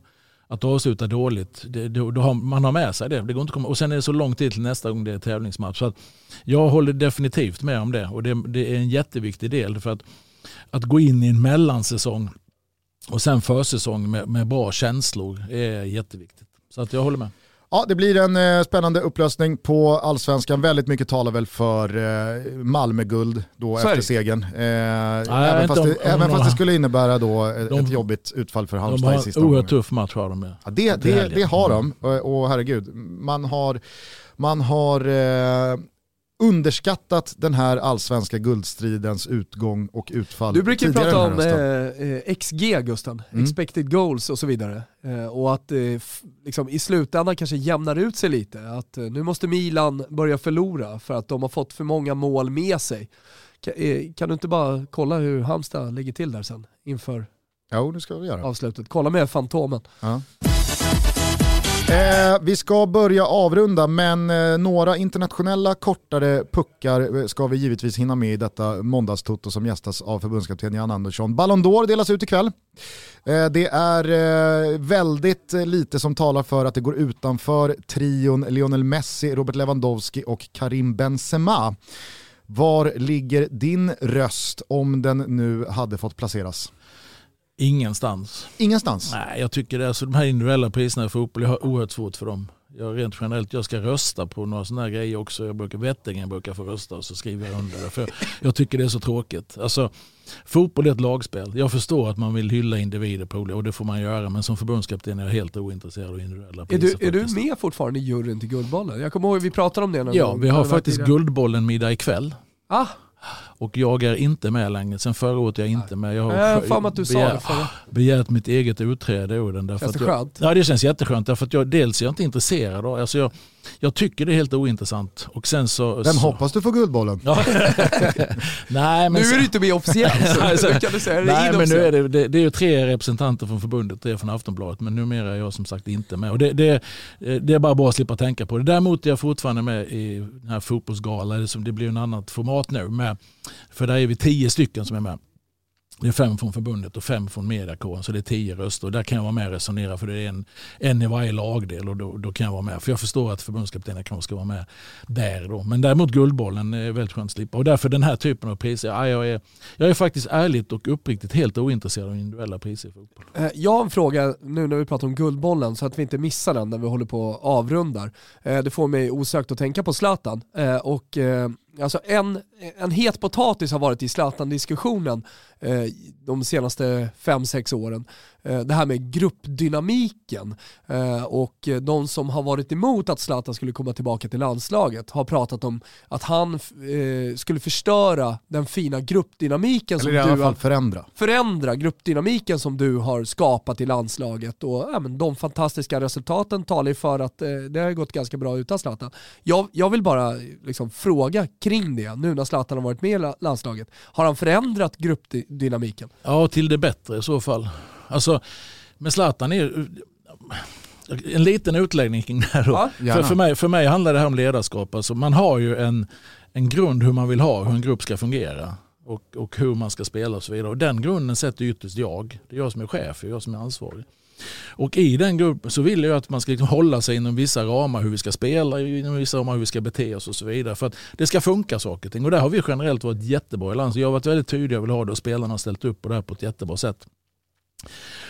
Sen när man väl är där och man har liksom alla gemensamma värderingar och grunder hur man vill ha det så ska ju alla vara den de är. Och då vill jag ju, ju starkare individer, ju bättre spelare, ju, ju, mer egenskaper och så vidare, desto bättre tror jag vi kan bli som lag över tid. Sen ska vi växa ihop i det. Så det finns för mig ingen, om vi bortser från Zlatan, så rent generellt så finns det ingen motsättning mellan en starka individ och ett starkt lag. Utan det är upp till den som är ansvarig, det vill säga jag i det här fallet, att sätta gränserna. Hur vill jag ha det? Och det har varit noll problematik kring Zlatan. Tvärtom, han har kommit in och tillfört sin erfarenhet som är ännu viktigare nu när vi tappar så mycket erfarenhet efter EM och de här unga spelarna. Sen, sen är det klart att han ska göra det. Eh, ska man säga, gruppdynamik ändras ju hela tiden därför att det beror på vilka som är med i gruppen. Ja. Det, förändras ju på olika sätt. Men den har absolut inte förändrats i något sämre, tvärtom. Han har tagit ett jättestort ansvar i det vi har gjort och agerat på ett fantastiskt bra sätt. Precis som jag förväntade mig. Och det var, annars hade jag inte tagit ut honom om jag inte trott att han skulle kunna göra det. Sen har vi inte fått fullt genomslag på planen med honom. Det, har vi, det är lite oflyt tycker jag för att skadan har fördärvat så, där, så vi har inte riktigt kunnat utnyttja han max som den spelare han är. Då. Men, men som person har det varit klockrent kan jag säga. Vi eh, pratade ju lite om det här eh, i, i anslutning till de senaste landskamperna att Zlatan kanske inte längre har den här killerinstinkten på samma sätt som tidigare. Mycket kanske beroende på att man har blivit äldre, han har fått en papparoll både i Milan och kanske också även här i landslaget sett till åldersstrukturen och så vidare. Känner du av det, även fast du har ganska så, så skral erfarenhet av att jobba med Zlatan i landslaget, att det snarare är en pappafigur som eh, prioriterar laget framför jaget i avslutssituationer där det kanske tidigare har varit självklart för Zlatan från ryggraden att gå på avslut själv. Jag tror så här att han, han har ju inte, alltså han var ju borta fem månader, spelar ju inte matcher. Sen har han spelat, när den samlingen har han spelat några matcher innan och knappt gjort några kollektiva träningar alls. Så även om han då är 40 år, kanske trots att han är 40 år, så, så, krävs det ett litet tag att hitta rätt i sig själv igen. Jag tyckte han var för oegoistisk, till exempel i Georgien-matchen. Där tycker mm. han skulle tagit av sig ett par gånger själv, men där han satt upp andra. Men det kan också vara hos honom en osäkerhet. Alltså när man inte har spelat på länge så kanske man kör det säkra istället för att göra som man gör normalt. Så att, tittar man nu förra helgen, vilken match var de spelade, han gjorde två mål. Fiorentina. Ja, Då tog han in bollen och bara bombade dit den, han fick chansen. Han tänkte liksom inte. Där känner jag att du börjar liksom komma igång igen. Så att, eh, jag tror inte att hans grund i, som spelare är hans killinstinkt. Men det är klart att har du inte spelat fem månader så kanske du inte har den med detsamma. Den där killerinstinkten eh, gjorde sig ju även gällande i den här Guardian-intervjun förra veckan där han pratade om den här axeltryckaren han satte in på Aspilicueta i slutet av Spanien-matchen. Eh, han var ju väldigt eh, ärlig och sa att eh, Nej, men, eh, jag gjorde fel men jag kommer göra det igen för det är så jag fungerar. Och jag upplevde det som att Cesar Aspilicueta hade gått på en spelare i vårt lag på ett sätt som jag upplevde fekt. Ta det där med mig istället så jag ville markera att eh, om, om, du, om du har tänkt att brösta upp dig mot någon, gör det mot, eh, gör det mot mig istället. Vad kände du som förbundskapten och, och ledare för ditt lag när du läste de orden? Inget bra gult kort att ta. Därför det, innebar, det blev kostsamt. Det innebar att han inte kan spela nästa, så utifrån det så tycker jag inte det var bra. Men resonemanget är att så här, ja, men det, var, det var medvetet, det kanske var fel men så fungerar jag och jag kommer säkert göra det igen. Det finns många olika delar i spelet fotboll. En är ju de här grejerna och där kanske Zlatan är någon som varit med mest och liksom markera närvaro på och sätta sig i respekt och allt sånt. Så det, det, det, finns många dimensioner i det här men grunden ändå för mig är att det var inte bra. Nej. Man ska inte ta det gula kortet utifrån att man blir avstängd. Så, så att, sen som sagt finns det många, det är känslor, fotboll är känslor även på plan och spelarna och han är väl en av de som har varit med mest och kan det spelet bäst kanske. Men, men som sagt här kostar det ett gult och det var inte bra. Jag eh, upplever, nu har ju Thomas eh, gått och blivit eh, hockeyexpert här under hösten med, med Hockeytoto, men jag upplever att det finns en jävla tydlig distinktion mellan hockey och fotboll i just det här avseendet. I hockeyn så är det världens mest naturliga sak att om någon rör din målvakt då får du göra precis vad som helst och du har nästan livvakter. Det har också ändrats har jag lärt mig under hösten väldigt mycket i hockeyn. Det, det, det kanske det har, men det, det, finns en helt annan inställning till att när det här sker, ja men då ska, ja, men du, nästan, då ska du nästan kasta handskarna och, och, och, puckla på någon för att visa att sådär får du fan inte göra mot, eh, mot vår målvakt eller mot vår stjärna eller mot eh, vad det nu är. Det finns de eh, reglerna mellan raderna i hockeyn. I fotbollen så är tänket en helt annat. Och jag kan uppleva att det Zlatan säger i sak kan jag ju instinktivt gilla. Jag tycker att det, det, finns något beundransvärt i att han känner ett ansvar mot att skydda yngre spelare i sitt lag och han är den han är och han vill markera det mot en motståndare att gör inte sådär för då får du med mig att göra även fast konsekvenserna blir kanske ovärda i totalen. Men jag tycker att vi kanske har hamnat lite snett i att man heller inte vågar säga att man också förstår och kanske rent av uppskattar Zlatans inställning i frågan för att vi inom fotbollen inte får på något sätt uppmuntra till några regelbrott. Och den fråga så men jag, jag, jag, förstår att det kan hända och ditt resonemang tycker jag håller ganska länge också. Det enda som inte är bra är att han blir av sig nästa match. Mm. Alltså, där, där är liksom gränsen för mig. Då tycker jag inte det är bra. Annars så, så kan jag väl känna precis samma sak som du att det är bra om vi står upp för varandra på planen på olika sätt. Sen hur man gör det exakt i vilka situationer, det är en annan sak. Men, men här blir han avstängd och då var det inte bra. Snart ska Janne åka och eh, lämna in sin bil eh, för tvätt i Solna. Jag tänker bara kort, eftersom det händer så jävla mycket grejer i detta Manchester United. Man klarar kryss borta mot Chelsea igår på Stamford Bridge. Michael Carrick är fortfarande caretaker, men nu eh, talar väl allting för att Ralf Rangnick snart presenteras officiellt av klubben och att han leder laget, eventuellt om han kommer ur någon karantän eller han får arbetstillstånd eh, till Arsenal-matchen.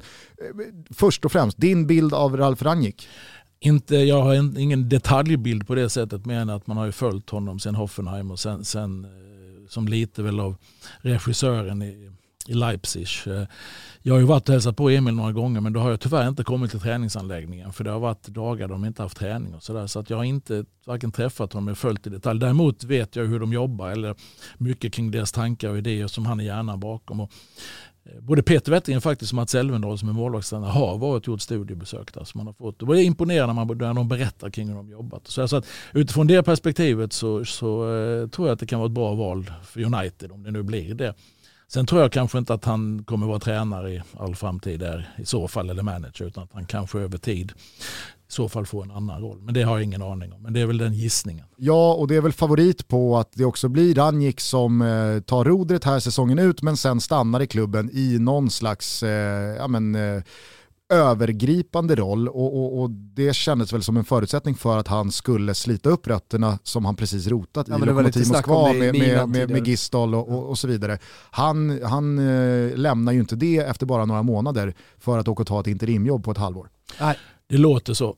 Om man skulle gissa på något så är det väl så. Det var, det var exakt samma roll typ som eh, bollades upp i Milan tidigare när han var eh, mer eller mindre klar. Och om Pelle Kotschack besitter hela fotbollsvärldens största karisma så kan jag säga att Ralf Rangnick sitter inne på kanske hela fotbollsvärldens mäktigaste pondus. Otrolig pondus när man träffar honom. Jag har aldrig varit så liksom nojig över att säga en enda stavelse fel som när jag satt mitt emot honom i ett rum i, i Leipzig och intervjuade honom otrolig jävla pondus alltså. Eh, men eh, hur, hur, har du annars upplevt eh, bara kaoset och allt som varit kring Manchester United, Ole Gunnar Solskär och den klubben? Nej, upplevt och upplevt. Man följer det såklart lite extra eftersom Viktor är där. Men nej, alltså jag, jag, jag ser matcherna och sen så allting annat runt omkring det, det lägger jag inte lika mycket energi på. Men, men det är ju fascinerande ändå att det har varit lite rörigt, för det får man ju säga att det har varit. Sen, sen, sen är det ju en klubb som jag tror att oavsett om det inte är rörigt alls så är det ändå rörigt. Det blir ännu rörigare när det är United. Alltså det är så. Det är alltså, mm. och jag, de här åren Viktor har spelat, alltså, ena veckan så är han bäst i världen och nästa vecka så är han sämst i världen som spelare. Och det ena gången är det en spelare, en gammal spelare som uttalar sig, nästa gång är det en annan gammal spelare som uttalar sig. Och det, det, det blir rörigt United och nu har det varit extra rörigt. Eh, på tal om gamla spelare så tycker jag bara att eh, vår superproducent Kim Wirsén kan lägga in någon minut av eh, diskussionen mellan Roy Keane och Jamie Carragher igår kväll efter den här eh, matchen mot Chelsea där eh, Carragher menar på att det var rimligt att bänka Cristiano Ronaldo för nu när Ranji kommer så är det starten på en era av att Manchester United nog är ett bättre lag som behöver tid att långsiktigt börja närma sig ligatiteln medan Roy Keane menar på att har man Cristiano Ronaldo i laget, även fast han snart är 37 år gammal så ska han spela för att han gör mål och han är den spelare som kan ta United från ingenting ja, en säsong till ett par cuptitlar. Eh, inför eh, januari-turnén långsiktigt. Mm. Är du med? Nej, men det, det, var, det, var, det var några fantastiska minuter tv som vi inte behöver kommentera ytterligare, men vi kan, vi kan lägga in dem här så, så uh, har i alla fall inte våra lyssnare missat dem. So you think it's a mistake signing Ronaldo? But Ronaldo was never going to get Man United back winning league titles. What was the point in signing him? Come back and win trophies. He's won trophies. What did, you win? The, did you win the FA? Did you win the FA Cup? Did you like winning the FA Cup? Yeah, they come back to winning the FA Cup and get the Champions League. They've gotten the next. They've gotten the next round of the Champions League. How much do you think that's worth to the club? If you're looking at the business side of it, the glaze, your share price, that's what he's come back for. Yeah. I so said that if you finish Ronaldo's not going to fix. If you finish second Second's no good to you. I, I know exactly. Yeah. So you then sign Ronaldo at 37. You're not going to win the league in four years. If you sign someone at 36, 37, it's to win right now. If you sign Varane, a four times Champions League winner and World Cup winner, it's to win right now. Are they any closer think, to the I, no, A few months ago, when Ronaldo signed for Man United, anyone who said right Ronaldo now? is no, he's not come back to win the league. What's he come back he's come back to help him win a trophy. What's he here for? So in the meantime, what is he here for? Well, Marino didn't win the league, oh, but he won one or two trophies. What? You finished second. So when you won the FA Cup and other trophies, were you not think? Were you not buzzing with that? Man United are a cup team at the moment. You just said Ronaldo never come here to win the league. What is he here for? To win trophies. What, what, are you at Man United cups. for? Cups. Oh, Why not going through this? I, is that where Man United have gone? Absolutely. We're happy with cups. Absolutely. Oh, I'm not, but that's where they are as a club. Uh, look at the team. Look at the league. Look at the last two or three years. They're not going to win the league for the next two or three years. I tell so you what, that. What would you sign Ronaldo for then? At 37, How if they're not going to win in the next two or three years, start getting Greenwood on the pitch. Start getting Sancho on the pitch. if they're not going to win the league right now. We're never going to win the league, but Ronaldo was never so going to win the, the point? Gap. There's no point signing I'll say it one more time. To win some trophies. FA Cups. Oh. Yeah, I know. That's where they are. Med det sagt, Thomas, eh, var det någonting mer du eh, ville få av bröstet innan vi tackar Janne för idag? Nej, nu vill jag sätta på mig Halmstad-tröjan, eh, jag ska leta efter en Halmstad-hatt och, sen så, jag vet inte, ska åka ner till Malmö och ställa mig, ja en kvast och, och ställa mig i klack, Halmstad-klacken och, och, och jobba, jobba Halmstad-seger helt enkelt. Ja det är bra. Jag och Janne, hand i hand. Ja, ja, ja den blev viktig. Och det, det, är så, alltså det är så synd nu med HBK för man är så på rätt väg och man har liksom ett intressant yngre spelarmaterial hos Ante som håller ihop det. Man, man liksom är på väg mot någonting. Så det vore så oerhört tråkigt om man kvala är det till att börja med. Ja, men, men om vi kan undvika det är det bra. Ja, vi får väl se hur eh, den här säsongen slutar för eh, inte bara HBK utan övriga allsvenska lag också. Stort jävla tack Janne för att du kom och gästade oss återigen. Mm, tack själv, alltid Stort lika tack. Ha en god jul, vi önskar dig ett gott nytt år, en härlig januariturné och att vi eh, spöar på Tjeckien 24 mars. Jag kommer ladda, jag ska tjura lite till över senaste samlingen, sen börjar laddningen. Och så hoppas vi att det inte ligger någon gul p-bot ute på vindrutan här nu när du och Kakambo lämnar Kungstensgatan. Då kommer jag in med den till er. Ja, det är bara att komma. Hörni, vi eh, hörs om några dagar igen. Ta hand om varandra. Ciao tutti. Ciao tutti. Där borta vid pilen har jag lagt min far. En anonym urna är allt som finns kvar av den som förstod mig när jag var till besvär. Trots all den kärlek fanns jag är där. Jag önskar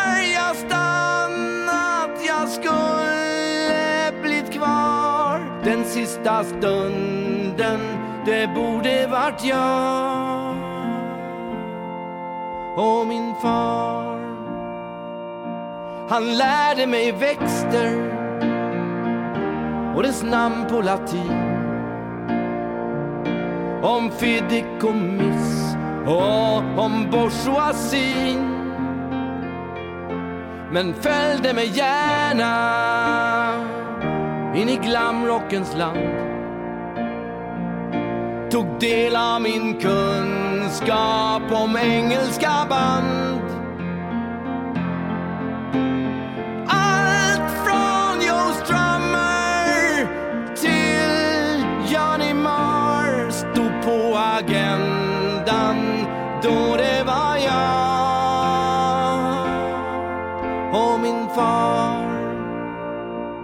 Jag saknar en humor som var en sigill. Den som la grunden för att jag finns till. Som präglat min uppväxt ända fram till idag som gjort att min son är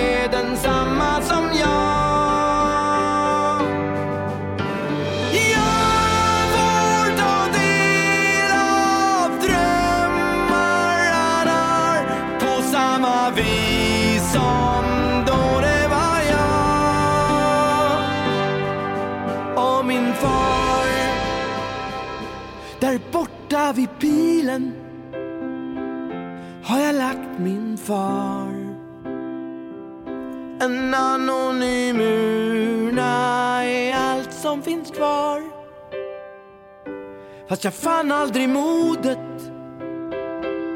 till att säga adjö. Trodde nog aldrig att